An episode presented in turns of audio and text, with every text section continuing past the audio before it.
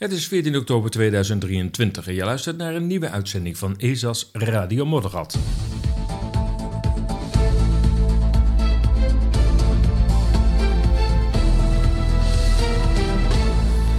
Het is weer weekend en daarom in deze uitzending de nieuwe film van Marijn Poels. Die zet je aan het denken. Krijgt Nederland een raadgevend referendum naar Zwitsers model? Nee dus. Massa-immigratie is gewild en gepland, jawel.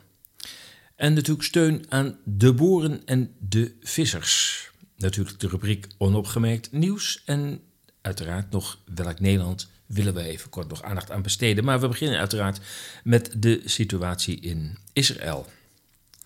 Want wat is daar nou precies gaande? Het, uh, het heet een verrassingsinval te zijn. Toen troepen van Hamas, zowel via een van de uitgangen, men zegt zelfs 15 verschillende uh, toegangspoorten van Israël naar ja, zeg maar het helemaal ommuurde uh, Gaza-strook, dat door die 15 poorten, doorgangen, um, totaal duizend strijders naar buiten gingen en, en zijn doorgebroken. En daarnaast zouden er Delta-vliegers zijn gebruikt om over de muur te komen. Het vreemde is dat daar uh, wel een aantal filmpjes van te zien is online. Overigens eigenlijk maar één filmpje dat je honderd keer ziet. Maar dat lijkt meer een soort demonstratie uh, dan dat het echt is. Ik kan me ook niet voorstellen, want dat zou dan het verhaal zijn... dat je met die Delta-vliegers zo frank en vrij over de zwaar bewaakte... om niet te zeggen, misschien wel de meest bewaakte grens uh, van de wereld om dan zo rustig met zo'n delta vliegen met misschien 10, 15 kilometer per uur in alle rust over Israël te kunnen vliegen. Ik, uh, ik, ik, wijs dat even voorlopig naar de Rijk der Fabelen dat die deltavliegers zijn gebruikt. Hoe dan ook, er zijn uh, naar schatting zo'n duizend strijders van Hamas en een aantal andere extremistische groepen uit Palestijnse kringen zijn Israël binnengedrongen. Eigenlijk zijn ze uit hun grote gevangenis uitgebroken, zo kun je het natuurlijk ook formuleren. En ze zouden daarvoor uh, eh, 15 doorgangen hebben uh, uh, gebruikt. Dat is daar ook wel bijzonder, want dat zou betekenen dat 15 doorgangen dus niet of nauwelijks bewaakt zijn geweest. Um, ja, het is duidelijk, leden van Hamas hebben gruwelijkheden begaan jegens de Israëlische bevolking. Ze zijn kibbutz binnengelopen. Uh, ze hebben daar uh, gemoord, geplunderd en um, ook mensen gevangen genomen, als gijzelaar mee teruggenomen naar uh, de Gaza-strook. Ehm, ja, het festival wat plaatsvond in Israël, dus blijkbaar in de buurt van de Gaza-strook, die is bestormd door Hamas-strijders. En daar zijn ongeveer 260 doden gevallen onder de festivalbezoekers. Uh, en ook zouden een aantal mensen in gijzeling zijn genomen. Ja, het, het, het, blijft de vraag van wat is hier nou precies gaande? Kan het zo zijn dat die 15 uitgangen ehm, niet of nauwelijks bewaakt waren en dat dit zomaar kon gebeuren? Um, ik, ik slurp, af en toe even een beetje koffie, als je het niet erg vindt. Um, ja, daarnaast is het zo dat, dat er berichten uh, circuleren dat de geheimdienst van Egypte Israël uh, heeft gewaarschuwd van jongens, er is iets gaande in die Gaza-strook, dus blijf alert. Um, of dat waar is, ik weet het niet, maar dat circuleert ook als bericht. En daarnaast is het natuurlijk zo dat omdat er sprake zou zijn van meerdere uh, extremistische groeperingen die hier uh, deze actie heeft ondernomen. Um, dus niet alleen Hamas, maar ook andere uh, extremistische groeperingen. moet hier sprake zijn van een, een, een langdurige voorbereiding om dat gezamenlijk te doen. En als er sprake is inderdaad van een uitbraak door 15 poorten over het algemeen zwaar bewaakte poorten, ja, daar moet een, een, toch een behoorlijke planning aan vooraf zijn gegaan. En ja, hoe kan het dat de meest geavanceerde uh, inlichtingendienst uh, van de wereld, de Mossad, uh, daar niet achter is gekomen? Dat blijft toch wel een puzzeltje. Ja, dan zeggen natuurlijk sommigen ook van Hamas is, is eigenlijk een creatie van Israël. Of op zijn minst hebben ze Hamas aanvankelijk gesteund in de tijd dat uh, Yasser Arafat uh, nog aan het bewind was in de Gaza-strook de, en, en, westelijke uh, Jordaan-oever als leider van de Palestijnen. De, zeg maar de gewapende hand daarvan was de PLO, de Palestinian Liberation Organization. Ehm, en Israël zou Hamas hebben opgezet om uiteindelijk dan weer ingezet te worden tegen uh, Yasser Arafat en zijn, en zijn groeperingen. Of dat waar is, ik weet het niet, wordt wel hier en daar uh, bevestigd. Het zou niet de eerste keer zijn, want het is ook natuurlijk wat de Amerikanen hebben gedaan, of het Westen in het algemeen, met Al-Qaeda, de Mujahideen, met ISIS.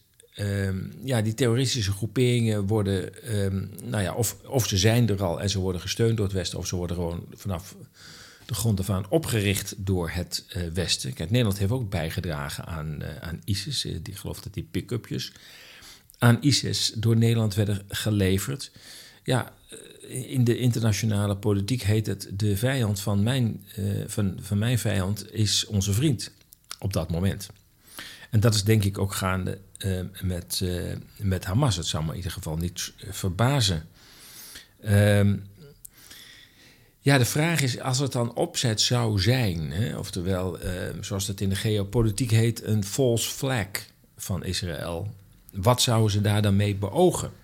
Zou Israël een excuus zoeken om um, ja, definitief de Gazastrook te ontruimen? Maar ja, dat betekent dat ja, de 2 miljoen Palestijnen die er wonen, ja, als die daar niet meer zouden mogen wonen op dat kleine stukje land, ik geloof 24 kilometer lang van noord tot zuid en, en, en kilometer 4, 5, 6 breed. Ja, waar mogen ze dan wel wonen? Dan, ja, dan is er maar één uitgang en dat is richting Egypte. Maar ja, dan krijg je in Egypte weer dat de boel destabiliseert. Um, is, dat, is dat dan het motief? Of ja, uh, zit Iran achter Hamas om uh, ervoor te zorgen dat de nieuwe vrijages tussen Israël en Saoedi-Arabië getorpedeerd worden, omdat Iran en Saoedi-Arabië natuurlijk nou, niet echt on speaking terms zijn geweest de afgelopen jaren. Daar schijnt weer wat verandering in te komen. Dus ik, ik, zoek daar ook niet helemaal de motivatie. Want ik heb begrepen dat Iran en Saudi-Arabië, uh, mede door de interventies van Rusland uh, toch weer wat nader tot elkaar zijn gekomen. Zodanig zelfs dat misschien Iran toegelaten wordt tot de BRICS-landen. Waar Saoedi-Arabië ook uh, voor opteert. Um, ja, ik, ik, moet je zeggen dat als ik dat zo, zo allemaal bekijk, is het heel moeilijk om een heel hard motief te vinden waarom Israël dit eventueel als een false flag zou hebben ingezet. Um, ja, er is nog een laatste mogelijke verklaring, maar nogmaals, ik vind ze allemaal, eh, ik vind ze geven alle even sterk, moet ik zeggen. Um, namelijk dat, dat de VS eh, samen met Israël deze hele zaak op poten heeft gezet om uiteindelijk Iran te kunnen beschuldigen van steun aan Hamas. Hamas heet dat, geloof ik, als je het goed uitspreekt. Um, omdat Iran het zevende land was op het lijstje van oud-generaal Wesley Clark, die al uh, kort na de aanslagen op uh, de Twin Towers zei van ja, ik krijg een lijstje met zeven namen van landen erop en die zouden de komende jaren worden aangevallen. Nou, er zijn er zes al aan de beurt geweest en uh, er is er nog eentje die, die nog niet aan de beurt is geweest en dat is Iran. Zou kunnen zijn dat dit als een voorwendsel wordt gebruikt om Iran aan te vallen. Ik heb begrepen dat Netanyahu al suggesties heeft gedaan, een beetje heeft gezinspeeld op ja, Iran zit hierachter. En denk, hmm, ja, zou dat het kunnen zijn? Um, ik weet het niet. Het is in ieder geval, denk ik, geen platte. Uh, er is geen platte verklaring voor. In de zin, plat, in de zin van uh, de Palestijnen kwamen in opstand, braken uit en hebben gruwelijkheden begaan jegens Israël, omdat Israël jarenlang terreur heeft uitgeoefend tegen de Palestijnen en hen gevangen heeft gehouden. Ik denk dat dat een hele, hele platte uh, uitleg is. Ik ben bang dat er meer achter zit. En ik heb een aantal zaken genoemd die erachter zouden kunnen zitten. Maar eerlijk gezegd uh, durf ik er bij geen één echt mijn vinger op te steken. Um, ja, en zelfs of het een false flag is, weet ik niet zeker. Uh, het, het, heeft er wel alle schijn van dat het, sterkste leger en het meest geoutilleerde, de meest geoutilleerde geheime dienst van de wereld dit allemaal niet heeft zien aankomen en heeft kunnen voorkomen. En ik begreep ook dat in Israël uh, ook bij mensen uit de kibbutz uh, die daar verklaringen over hebben afgegeven. Er was zelfs een Nederlandse die in een van die kibbutz woonde, die bezocht waren door de Hamas en, en, waar mensen zijn omgebracht, ontvoerd. En ja, zij zegt, ik, ik, ons huis staat iets verder van de weg af en ze zijn in ons huis voorbij gelopen. Maar die zegt ook, ja, er is iets vreemds aan de hand hiermee. We geloven niet helemaal dat, dat, dit, dat dit Israël heeft verrast. Dat zeggen dus mensen in Israël zelf.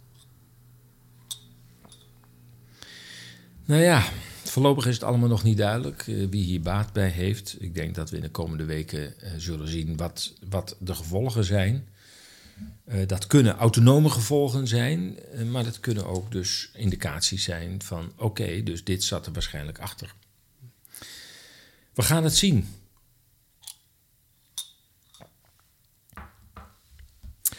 Over naar de nieuwe film van Marijn Poels, want die zet je toch behoorlijk aan het denken. De maker van documentaires als onder meer Headwind, Return to Eden en uh, Paradogma, Marijn Poels, komt nu met de Primordial Code. Volgens Poels is het een belangrijk verhaal over deze krankzinnige tijd, waar iedereen genoeg ingrediënten krijgt om zijn beeld, zijn eigen beeld, te vormen. Het is, uh, ik heb hem uiteraard uh, gezien. En ik moet je zeggen, het is een ja, het is wel een documentaire voor de nieuwsgierige geest. Hè, want volgens Marijn Poels gaat deze documentaire waarschijnlijk de meeste impact hebben van al zijn voorgaande producties. De reden is dat Poels voor deze documentaire op zoek is gegaan naar de oorsprong van onze beschaving. Zijn wij de enige beschaving of gingen andere beschavingen ons voor, vraagt hij zich af in deze documentaire. Velen kunnen zich weinig voorstellen bij voorgaande beschavingen en zeker niet bij de gedachte dat die kennis hebben gehad die voor ons verloren is gegaan. De meesten denken, wij zijn toch de meest slimme generatie beschaving die er ooit is geweest. Kennis die ons in de huidige tijd goed van pas zou kunnen komen, worstelend met talrijke problemen als milieu en energie. De documentaire verhaalt van de vondst van een reuzenras op het Italiaanse eiland Sardinië. Een vondst waar maar weinigen van willen weten. Reis naar Bosnië brengt de kijker naar de wellicht oudste piramide van de wereld. Hier worden steenformaties gevonden die door mensenhanden moeten zijn vervaardigd en die een hardheid hebben die onze beschaving met beton niet kan bereiken. Ook hier wordt het verder zoeken naar het hoe en waarom geblokkeerd door de overheid. Het niet willen weten leidt een rode draad in Poels ontdekkingsreis. Energie speelt een belangrijke rol in Primordial Code. Energie dat vrij en zonder kosten is. En vooral oneindig. Was het niet Nikola Tesla die daar al vorige eeuw experimenten mee deed? Maar zijn mogelijke ontdekkingen, uh, maar zijn mogelijke ontdekkingen zou de olieindustrie de inkomsten kunnen ontnemen. En, en schaarste zou ineens overdaad worden met de vrije energie. Dus begrijpelijk dat uh, dat onderwerp niet bepaald groot aan de klok wordt gehangen. Dat die vormen van vrije energie er zijn.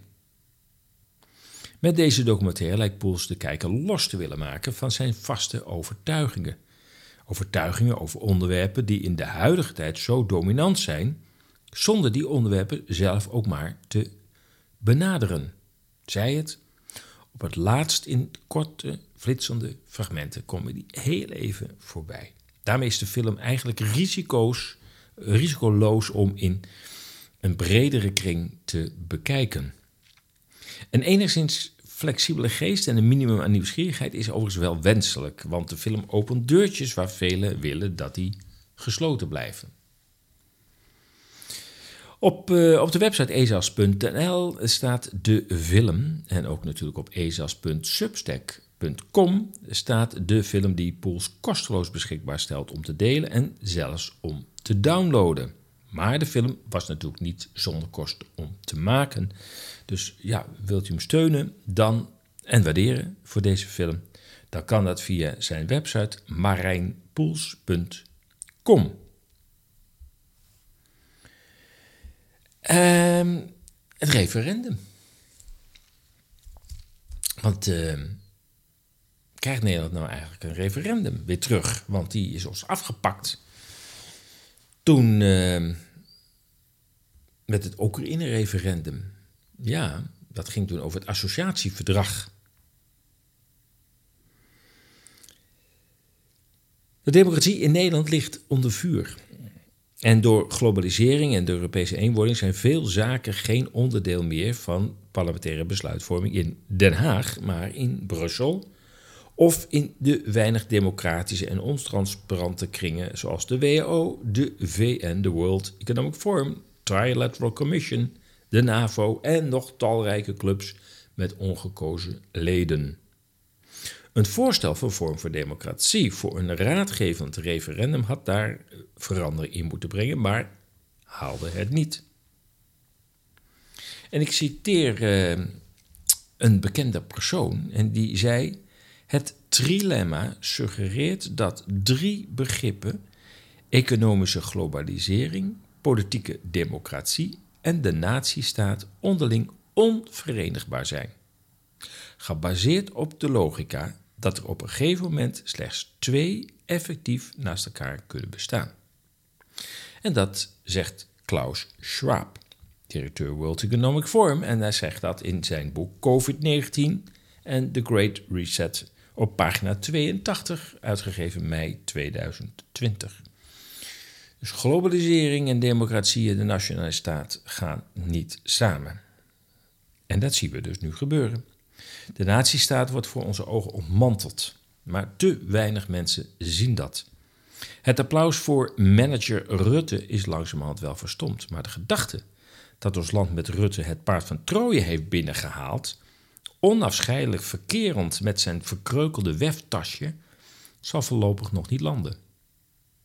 Ondertussen legt de macher zonder lastig parlement als demissionair premier de laatste hand aan het opheffen van Nederland. En Nederland had trouwens een referendumwet. In de zomer van 2015 werd de eerste referendumwet van Nederland van kracht. Kort erop kwam het initiatief om het associatieverdrag met Oekraïne aan een referendum te onderwerpen. Jan Roos was daar het initiatiefnemer van. Dat verdrag kwam een jaar na de door het Westen gesteunde staatsgreep in Kiev op de Maidan. Het zou later de opmaat zijn naar de huidige oorlog in dat land. Op 6 april 2016 was het eerste door de burger afgedwongen uh, referendum in Nederland een feit. Toen vond dat plaats, uh, het uh, Oekraïne-referendum, zoals het is gaan heten. Na het raadgevend referendum, raadgevend referendum stelde de kiesraad de definitieve uitslag van de stemming vast. Het opkomstpercentage van de kiezers was 32, ruim 32 procent. Dat was meer dan 30 en dus de kiesdrempel werd gehaald en het referendum was geldig. De meerderheid van de kiezers stemde echter tegen. Tegen het associatieverdrag 61 procent. Voorstemde ruim 38 procent van alle opgekomen Het bleek een Peres-overwinning. De uitslag van het referendum over het associatieverdrag met Oekraïne. De besluitvorming in de NAVO-EU was al lang een gelopen race. Het Nederlandse referendum leek op het laatste moment nog een spaak in de wielen te steken. En de premier wilde en kon niet anders dan het de referendumuitslag negeren en kwam met het beroemde geitenpaadje, een inlegvelletje waarvan de betekenis, waarvan de betekenis eigenlijk al bij voorbaat vast stond. Namelijk geen enkele. De onwelgevallige uitslag betekende ook meteen het einde van het referendum in Nederland. Dat was dus in 2017. Toen was er sprake van dat er een nieuw referendum zou worden ingevoerd, maar dat voorstel haalde het toen niet. En nu is er dan een nieuwe poging. Want gisteren, uh, gisteren, in ieder geval van de week, afgelopen week, nam de Eerste Kamer een voorstel voor een bindend correctief referendum van onder andere de SP aan. Dat is een soort referendum dat bestond ten tijde van het associatieverdrag met Oekraïne. Bij zo'n referendum mag de bevolking op basis van het besluit dat in de Tweede Kamer is genomen haar afkeuring uitspreken. Het wordt ook wel het veto van het volk genoemd. In zo'n geval mag het voorstel niet worden doorgezet. Het is dus bindend referendum, maar niet bindend raadgevend, maar bindend correctief. Van dit correctief referendum heb je twee vormen: bindend of raadgevend. In beide gevallen betekent het dat de bevolking alleen kan reageren en uh, dan nee kan zeggen tegen een voorstel van de regering of de Tweede Kamer. Het is dan niet mogelijk dat in een referendum de bevolking zelf een onderwerp kan inbrengen, zoals klimaatmaatregelen, de Nederlandse deelname in de oorlog in Oekraïne of de uittreding uit de Europese Unie. De instemming van de Eerste Kamer afgelopen week met het voorstel van de SP betekent nog niet definitief dat het referendum er ook komt. Omdat het een grondwetswijziging betreft, is er nog een tweede stemmingsronde nodig.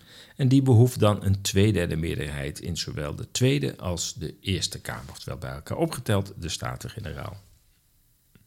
Het voorstel van Forum voor Democratie ging verder en wilde een raadgevend referendum naar Zwitsers model. Maar de vraag is of dat correct is geformuleerd door Forum, want de Zwitsers hebben geen raadgevend referendum, maar wel een bindend referendum en een volksinitiatief. Um, dus dat is, dat is net iets anders. Um, dus de Zwitsers gaan wel een stap verder, maar het schijnt dat het parlement, ik, ik zit daar niet goed in, moet ik eerlijk zeggen, het parlement toch nog wel een C heeft. Maar het, de, in ieder geval de, de macht van het referendum, de, de, zeg maar de impact van het referendum gaat wel veel verder in Zwitserland. Nou ja, hoe dan ook, het voorstel van de SP is in ieder geval aangenomen en het is een, een, een voorzichtige stap in de goede richting, zou je zeggen. Maar nogmaals, we zijn er nog niet. En uh, het moet nog door de Eerste en Tweede Kamer, maar dan als grondwetswijziging worden goedgekeurd. Um, ja, toch vind ik het wel vreemd, eerlijk gezegd, dat, dat um, ja, het, het, zeg maar, het referendum in. Ik probeer dat een beetje te analyseren. Het referendum van 2016. Um, ja, was toch ook een soort correctief referendum. En waarom dat toen werd afgeschaft en nu uiteindelijk toch met een variant weer wordt ingevoerd, althans, het ligt nu voor, zowel bij de Eerste en Tweede Kamer, hebben in ieder geval al ingestemd. Ik denk ja, ik uh, zal wel iets missen. Er zal wel een detailverschil in zitten tussen het referendum van 2016 en het referendumvoorstel dat er nu ligt van de SP. Uh, er zitten namelijk heel veel variaties in hoe je, hoe zo'n referendum inkleedt. Belangrijk is in ieder geval, en dat, dat heb ik niet zozeer in de commentaar gehoord, is bij, bij referendum altijd hoe stel je de vraag? En ja, daar zul je ook regels over moeten opstellen. En hoe gaat de informatievoorziening? Um, dus los van wat zeg maar, de formele status is van de uitslag, is het ook belangrijk van ja, hoe stel je de vraag? En de voorliggende vraag is, wie stelt die vraag op? En welke informatie wordt er bij het referendum gegeven? Of moeten mensen zelf hun, hun informatie uh, zoeken rondom een bepaald thema? Uh, kortom, wat dat betreft is een referendum wel een ingewikkeld uh, instrument. Um, we zouden wat dat betreft nog eens wat meer eh, stage moeten lopen in, in Zwitserland om te kijken hoe dat gaat. Of het altijd wel heel erg moeilijk is om één element uit een, een, een staatsbestel van een ander land, met een totaal andere geschiedenis. Uh, dat is uh, toch ja, 600 jaar een, een democratie van onderaf. Dat is toch al anders dan in Nederland. Uh, de democratie is in Zwitserland opgebouwd vanuit de, vanuit de gemeenschap dus vanuit het dorp. naar boven toe, naar het kanton. En nou, wat niet in die twee lagen kan worden beslist, zoals defensie, buitenlandse politiek, economie, dat gaat naar de bondsregering in Bern. Ja, dat is een heel andere werkwijze. En of je zo ehm, zeg maar dat referendum als een, als een Lego-steentje eruit kunt halen en zeggen dat planten we in Nederland in, dat weet ik niet. Dat betwijfel ik eerlijk gezegd. Ehm, dat er ook nog een cultuurelement is in Zwitserland die we hier dan weer niet hebben. Ehm, of andersom, wij hebben een bepaalde cultuur in de politiek die ze in Zwitserland weer niet hebben. Ik geloof dat daar bijvoorbeeld een minister-president ook maar een, een jaar aanblijft en dan er weer een nieuwe president, minister-president uh, uh, komt. Um, dat is ook de reden dat we eigenlijk de minister-president van Zwitserland nooit leren kennen. Want voor de, tegen die tijd dat je een keer zijn naam hebt gezien of haar naam hebt gezien, is hij of zij alweer weg. Kortom, blijft een ingewikkeld onderwerp dat referendum. Maar dat de democratie gemankeerd is op dit moment, dat is duidelijk. En dat er wat aan moet gebeuren, dat is ook duidelijk. Ja, nog wel één slotmerking over dit onderwerp. Het is natuurlijk wel zo dat ja, we kunnen de macht van de burger ten opzichte van het parlement, ten opzichte van de regering met een referendum weliswaar uh, vergroten. Maar de vraag is, um, als de regering zelf al weinig uh, meer te zeggen heeft door overdracht van allerlei bevoegdheden aan de Europese Unie of via allerlei uh, uh, contracten met de World Economic Forum of met de WHO, de International Health Regulation, daar komen we in de volgende uitzending op, op, op terug. Dan denk je, ja, ja, dan zijn we toch uiteindelijk in de aap gelogeerd. Maar goed, we gaan het zien. Massa-immigratie, dat is ook zo'n onderwerp waar, waar we weinigen hun vingers aan willen branden. En begrijp ik, het is een uh, ingewikkeld onderwerp. Um, en daar hangen ook ontzettend veel emoties aan, aan vast. In de hele westerse wereld ervaart men een grote toestroom van immigranten. In de VS overschrijden dagelijks vele tienduizenden uit Latijns-Amerika, maar ook uit talrijke andere landen in de wereld, zonder noemenswaardige belemmeringen de Mexicaans-Amerikaanse grens. Bussen staan klaar om ze naar de grote steden te vervoeren. In Europa is inmiddels het Italiaanse eilandje Lampedusa een crisisgebied. Duizenden immigranten opeengepakt op een klein eiland met een handvol ordehandhavers.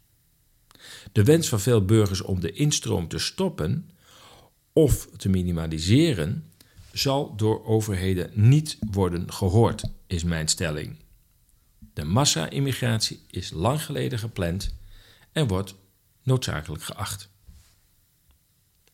Ik spreek hier overigens over immigratie en immigranten, maar niet over vluchtelingen. Dat zij die tijdelijk, al dan niet tijdelijk, een veilig onderkomen nodig hebben omdat hun land in oorlog is of zij persoonlijk om politieke redenen worden vervolgd. Ik heb het dus echt over immigranten, mensen die op basis van vooral economische overwegingen naar een ander land willen emigreren. Maar steeds meer Europese steden zien de gevolgen van de grootschalige toelating van immigranten uit landen die cultureel ver afstaan van de leefgewoonten in de Europese landen. Het leidt regelmatig tot incidenten waarbij grote groepen immigranten slaags raken met elkaar, met andere immigratienationaliteiten of met de autoriteiten. Vooral in de kleinere dorpsgemeenschappen veroorzaakt een dergelijke, dergelijke geweldsexplosie angst en afschuw. In de VS is het niet anders. Zij het dat het land van origine natuurlijk een immigratieland is, hetgeen niet gezegd kan worden voor de Europese landen. Toch loopt de massa-immigratie de Amerikanen over de schoenen. In New York worden inmiddels hotels ingezet om de toestroom onderdak te kunnen bieden. Velen zitten in tentenkampen. En de winters zijn koud in New York en andere steden in de noordelijke staten van de VS. Terwijl de autochtone bevolking al twee decennia afneemt, groeit in Nederland de bevolking toch pijlsnel. De intake door de IND loopt vast, de AZC's zitten overvol, zodat immigranten voortdurend vooruitlopend op hun procedure met een dagkaartje NS op straat worden gezet. Dat is in ieder geval uit een verslaglegging van uh, een alternatief kanaal um, duidelijk geworden. Die bij de poorten van um, een AZC in. Um, ben ik even kwijt in het noorden van het land. Ben even, nou, ik kom. Het is toch heel gek, want het honderd keer uh, uh, uh, zeg Terapel. Terapel, ja. Via de onlangs opgepoetste oorlogswet, de wet verplaatsing bevolking, kunnen eigenaren van leegstaand vastgoed gedwongen worden hun pand beschikbaar te stellen aan immigranten. Maar het ontruimen van gebruikte gebouwen wordt ook al gemeld. Hoteleigenaren krijgen forse bedragen om hun hotel in te zetten voor opvang van immigranten. In het uiterste geval kan de overheid, in dit geval de burgemeester, een particulier dwingen een immigrant of vluchteling in huis te nemen of en ook hem of haar te verzorgen. Dat lijkt me een hele beslissende stap als dat zou gebeuren. Ik denk ook niet dat dat kan slagen, eerlijk gezegd. Als jij niemand in huis wil hebben, dan gaat dat ook niks worden natuurlijk. Maar goed, dat is artikel 7 van de wet verplaatsing bevolking. Is dit nou allemaal toevallig? Ja. Ik hoor sommige mensen alweer zeggen: Oh, zoek je daar ook alweer wat achter? Nou ja, dat heeft niet zozeer te maken met erachter zoeken. Er zijn nou eenmaal plannen gemaakt, scenario's uitgeschreven. En dat zijn zaken die in officiële documenten zijn vastgelegd. Dat een hoop mensen die documenten niet kennen. Oké, maar ze zijn er wel. Want de VN pleitte in het jaar 2000 al voor vervangingsimmigratie. Of nee, vervangingsmigratie. Zo heet het rapport zelfs. Dus dat is het verboden woord inmiddels in het Nederlands parlement. Vervangingsmigratie. Maar het is de titel van een rapport van de Verenigde Naties uit 2000. De roep om een rem te zetten op deze omvangrijke en chaotische vorm van immigratie, of minimaal te beperken, wordt luider. Niet alleen in Nederland, maar in vele Europese landen en zelfs in de Verenigde Staten, waar men toch wel wat immigratie gewend is. De politiek reageert begripvol en belooft nu eindelijk in Brussel voor inperking te pleiten. Hoor je het alweer? In Brussel voor inperking te pleiten. Dat kunnen we lijken dus niet meer zelf. Maar dan blijft het stil. Er gebeurt niets. Beloften voorafgaand aan verkiezingen blijken loos. In Duitsland scoort de rechtspopulistische alternatieve Vuur Duitsland, de AFD, hoog in de peilingen. Bij verkiezingen nu zouden ze ruim 20% van de stemmen trekken, tot paniek bij de reguliere partijen. Het zal critici teleurstellen, de critici van immigratie, maar de massa-immigratie is gewenst en volgens de VN en de EU noodzakelijk. En dat is te lezen in hun respectieve notas uit het jaar 2000, de Verenigde Naties, en 2009, de Europese Unie. Het gaat in het rapport, dus heb ik het even over de VN, om een combinatie van bevolkingskrimp en vergrijzing. En dat betekent dat het potentiële ondersteuningsratio daalt. Hetgeen betekent het aantal mensen tussen 15 en 64 jaar ten opzichte van één oudere persoon van 65 jaar of ouder. En deze ratio beschrijft de belasting van de werkende bevolking, werkloosheid en kinderen worden niet meegenomen in deze meting, door de niet werkende oudere bevolking. Nou, dat is duidelijk. Hoe meer ouderen er zijn ten opzichte van jongeren, betekent dat de overdrachtsuitgaven die eh, de basis zijn voor een aantal voorzieningen waar ouderen ook gebruik van maken, dat die basis natuurlijk steeds wankeler wordt. Ik laat dan maar even in het midden dat we in Nederland met geld smijten naar zaken waarvan ik me afvraag: is dat wel nodig? De 28 miljard om iets met het klimaat eh, te doen, maar ook alle miljarden die naar Oekraïne gaan. Dus de vraag is of die basis in praktijk wel zo wankel is. Maar goed, in principe zou je dit inderdaad kunnen, kunnen zeggen. En hiertoe formuleerde de Verenigde Naties in het jaar 2000 in dat rapport uh, over vervangingsmigratie vijf scenario's waarbij aan, uh, afhankelijk van de gewenste bevolkingsomvang en de potentiële ondersteuningsratio er in Europa 0 tot 1,4 miljard immigranten tot 2050 nodig zijn. De laatste variant zou een immigratie van 25 miljoen immigranten per jaar betekenen. Nou ja, een totaal en absurd en onserieus scenario, maar staat er wel in. Zonder immigratie zou volgens de VN de pensioenleeftijd naar 75 jaar moeten stijgen om de potentiële ondersteuningsratio niet verder te laten dalen. Op diverse websites, waaronder Wikipedia, wordt de vervangingsmigratie als complottheorie van extreemrechtse groeperingen bestempeld. Die groepen zouden volgens Wikipedia beweren dat, en ik citeer, de blanke Europese bevolking in het algemeen demografisch en cultureel wordt vervangen door niet-blanke mensen. Vooral uit landen met een moslimmeerderheid. Einde citaat. Ja, en toch is dat precies wat nu al meer dan twintig jaar in wisselende intensiteit gaande is. Ook de EU ziet noodzaak voor 60 miljoen immigranten. In 2009 nam het Europees Parlement uh, het rapport aan over een resolutie waarin zij pleit voor immigratie als antwoord op de verwachte krimp in de Unie. Dus het was negen jaar na de VN-notitie. Daarbij erkent zij dat slecht georganiseerde immigratie feitelijk de huidige situatie, en ik citeer, de sociale cohesie van de ontvangende landen kan verstoren, maar ook nadelig is voor de landen van vertrek en de immigranten zelf. Einde citaat. Dat laatste is zeker juist, omdat Europa de jonge, voor arbeid en opleiding beschikbare bevolking wegtrekt, daar waar ze nodig zijn voor de economie van de landen van vertrek. De Unie denkt daarmee aan haar eigen economie, maar laat de toch al talmende Afrikaanse economieën doodbloeden. En toch krijgen velen nog een warm gevoel bij de gedachten een vorm van hulp te bieden met de opvang. Het parlement erkent ook dat de vooruitgang op het gebied van reguliere migratie hand in hand moet gaan met, en ik citeer, doeltreffende maatregelen ter bestrijding van illegale immigratie, waarbij er met name aan wordt herinnerd dat dergelijke immigratie het bestaan van criminele mensenhandelbendes in de hand werkt. Einde citaat. Ik heb het, als ik het over het parlement heb, heb ik het in dit geval over het Europees Parlement. Dus we zien inderdaad dat immigratie leidt tot mensenhandel. Dat wil men uh, niet. Maar aan de andere kant wil men toch ook wel weer de bevolking op peil houden. En daarvoor zouden dus 60 miljoen immigranten nodig zijn. Over een periode tot 2050. Dat zijn er 2 miljoen per jaar. Nou ja, we kennen het jaar 2015 nog. Hè, we schaffen das. Dat waren nog geen miljoen immigranten, althans in Duitsland. In heel Europa waren er geloof ik anderhalf miljoen.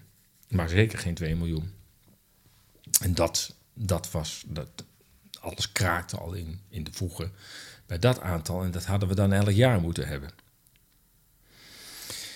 Ja, mijn conclusie is dat Den Haag nog Brussel de immigratie een halt toe zal roepen. Want met bovenstaande nota's in het achterhoofd is duidelijk dat de politiek in Den Haag nog in Brussel van zins is de immigratie te ontmoedigen. Ondanks alle lippendienst die zij vooral in de aanloop tot verkiezingen bewijst uh, aan de beperking van de immigratiestroom. Voor de meeste scenario's is de huidige instroom nog zelfs te laag. Echter, inmiddels groeit de chaos en de frustraties onder de bevolking en de immigranten zelf. De eerste zien meer, steeds meer geweldsincidenten, maar ook de vergoeding aan immigranten en hun voorrang na verkrijgen van de status bij toewijzing van een woning is reden voor veel boosheid. Zoals de EU-nota terecht stelt, dat slecht georganiseerde immigratie feitelijk de huidige situatie, de sociale cohesie kan verstoren, dat zou eigenlijk wel moeten aanzetten tot een heel andere aanpak. Maar dat gebeurt volgens nog niet. Uh, in Duitsland is er zelfs een rel ontstaan omdat uh, een van de NGO-schepen, mede door de Duitse overheid, wordt gefinancierd. En die schepen die gaan heel dicht onder de kust van Libië liggen.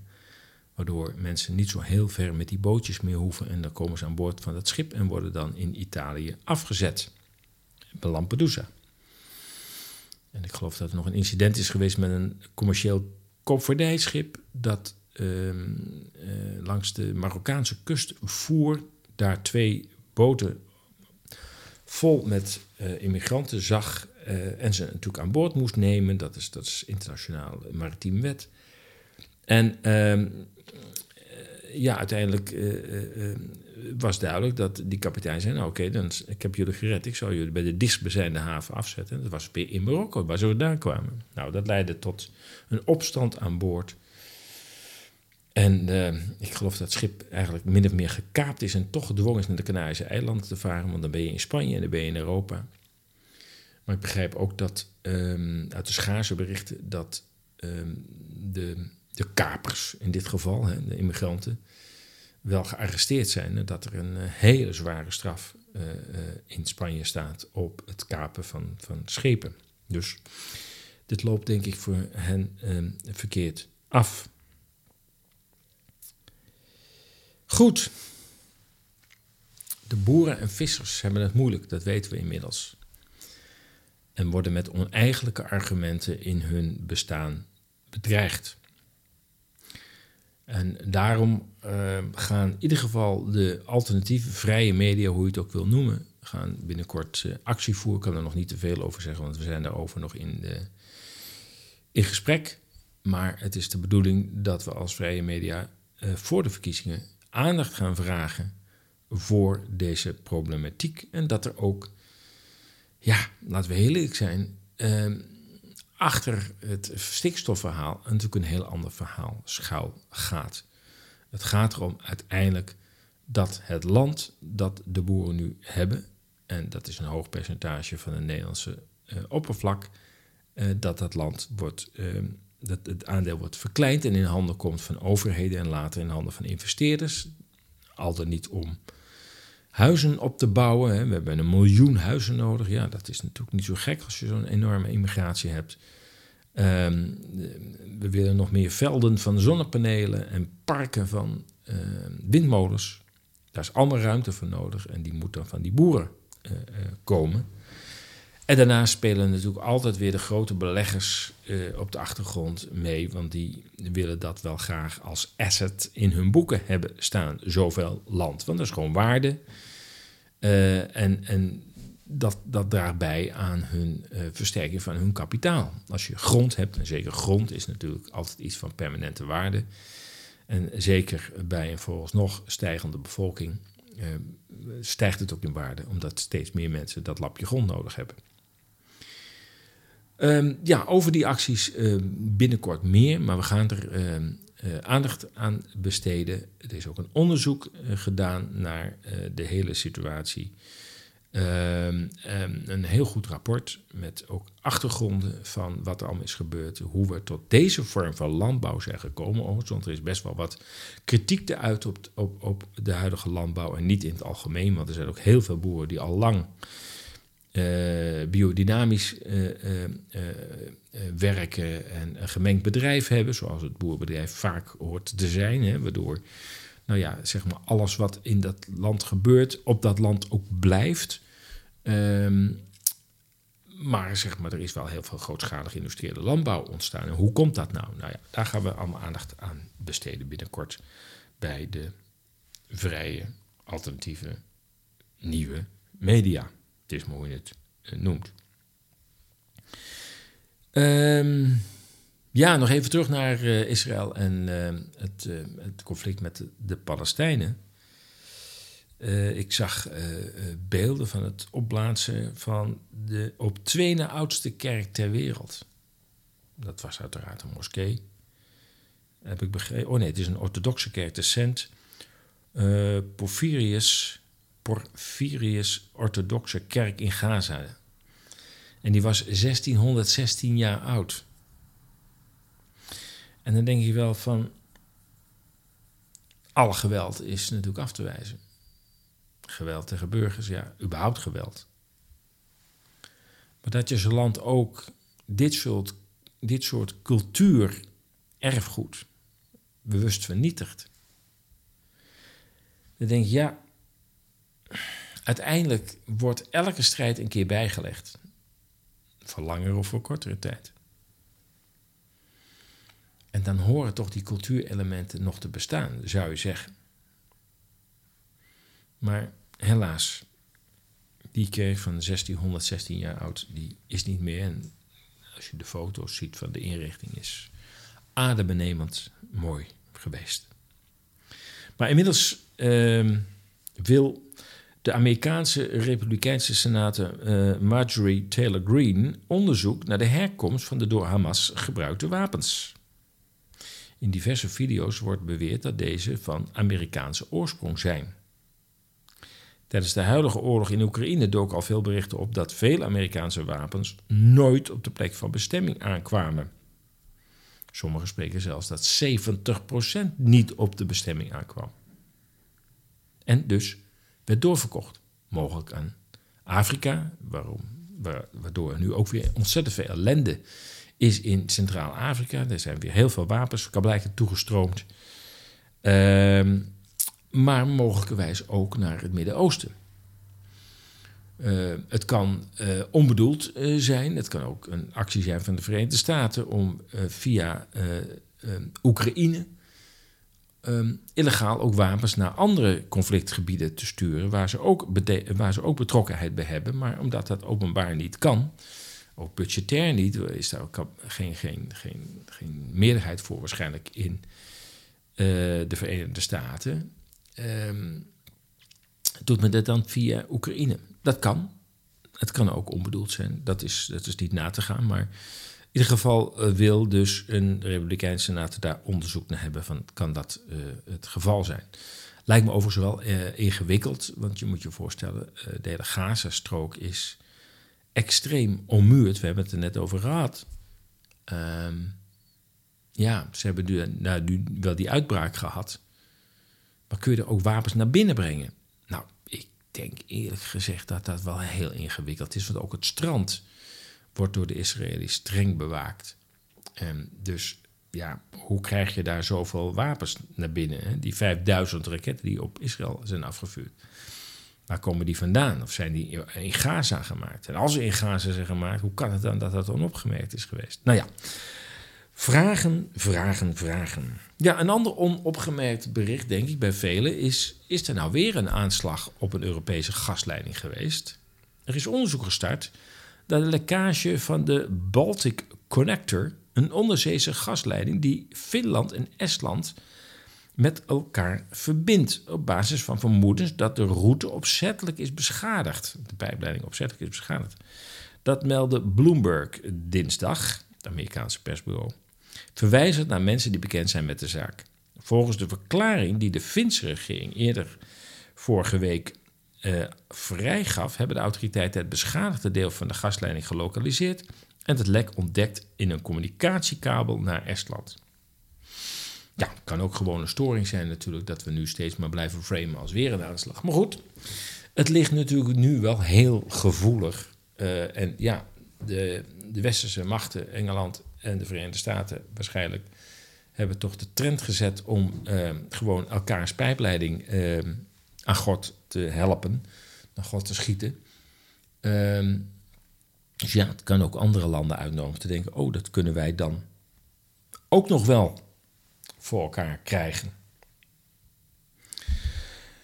Ja, jongens, het zit, het zit er weer op.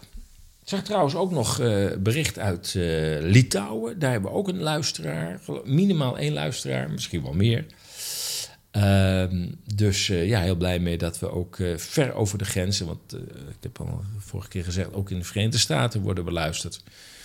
En dat is toch wel het mooiste, mooie toch weer van deze tijd. Ehm, ondanks alle negativiteit die er natuurlijk is... waar ik het ook regelmatig over heb... en zeker over de steeds meer verstikkende censuur op internet, ehm, is er toch nog heel veel vrij geluid in de wereld.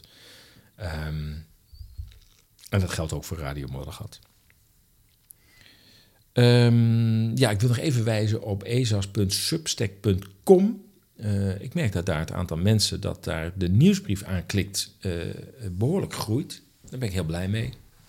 Substack is ja, toch ook in coronatijd de plek geweest waar ehm, toch mensen van naam en faam, maar met een andere mening over de hele situatie rond COVID, het virus, de prikken, de maatregelen, uh, daar toch nog uh, zonder censuur hun mening konden uiten. Op de een of andere manier lijkt dat vooralsnog een vrijplaats te zijn, ehm, die kabeleid door de overheid getolereerd wordt. Ik moet ook zeggen dat hoe dat werkt, weet ik eerlijk gezegd niet. Maar het valt me op dat ehm, wat er aan ehm, posts um, op zit en, en, schrijvers, dat het allemaal zeer fatsoenlijke artikelen zijn.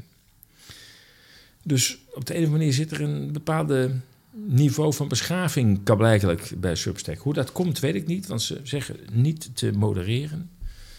Um, nou ja, laten we hopen dat het zo blijft en dat het daarmee ook een vrije plek blijft. En dat is ook de reden dat, uh, dat ik met ESA's ook daar naartoe ben gegaan. Uh, en eigenlijk naast ESA's.nl ook nu ESASubstack.com heb. Waarbij beide websites nu helemaal uh, gesynchroniseerd zijn. Bij, het is wel zo dat bij um, Substack weer andere dingen kan die bij ESA's.nl niet kan. Bijvoorbeeld één daarvan is dat deze podcast Radio Moddergat op Substack ook uitgeschreven wordt. Um, dus dat is wel heel erg belangrijk. Een transcription, zeg maar van de hele tekst die ik hier uitspreek, um, kun je terugvinden bij Substack. En je kunt op één zin klikken en dan, ook beluisteren. Uh, ja, dat is helaas uh, uh, vooralsnog niet mogelijk bij ESAS.nl. Bij ESAS.nl kan ik weer bepaalde videoplatforms embedden die bij Substack weer niet te embedden zijn. Dus ehm, bij ESAS.nl kun je wel foto's met een link maken, maar dat kan weer bij ehm, de telefoon gaat. even wachten, straks maar weer. Um, en bij Substack kun je weer geen link achter foto's zetten.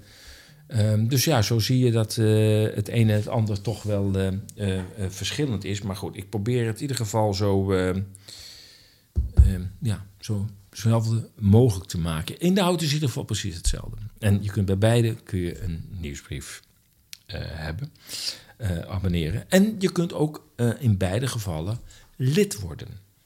Ehm, bij ezas.nl heb je drie vormen van lidmaatschappen en dat kan helaas weer niet bij Substack. Dus daar ehm, heb je maar één lidmaatschap. Maar goed, um, kortom, twee belangrijke outlets voor ezas.nl en natuurlijk voor Radio Motorgat op allerlei online platforms, zoals Spotify en Um, Soundcloud. Hoe kan het dat ik er niet op kom? Goed, het zit er uh, op. We gaan alweer uh, richting een uur. Ja, je luisterde naar een uitzending van ESA's Radio Moddergat. En als je deze podcast waardevol vond, ondersteun ESA's dan met een donatie, een lidmaatschap of aankoop van een van de magazines of dossiers.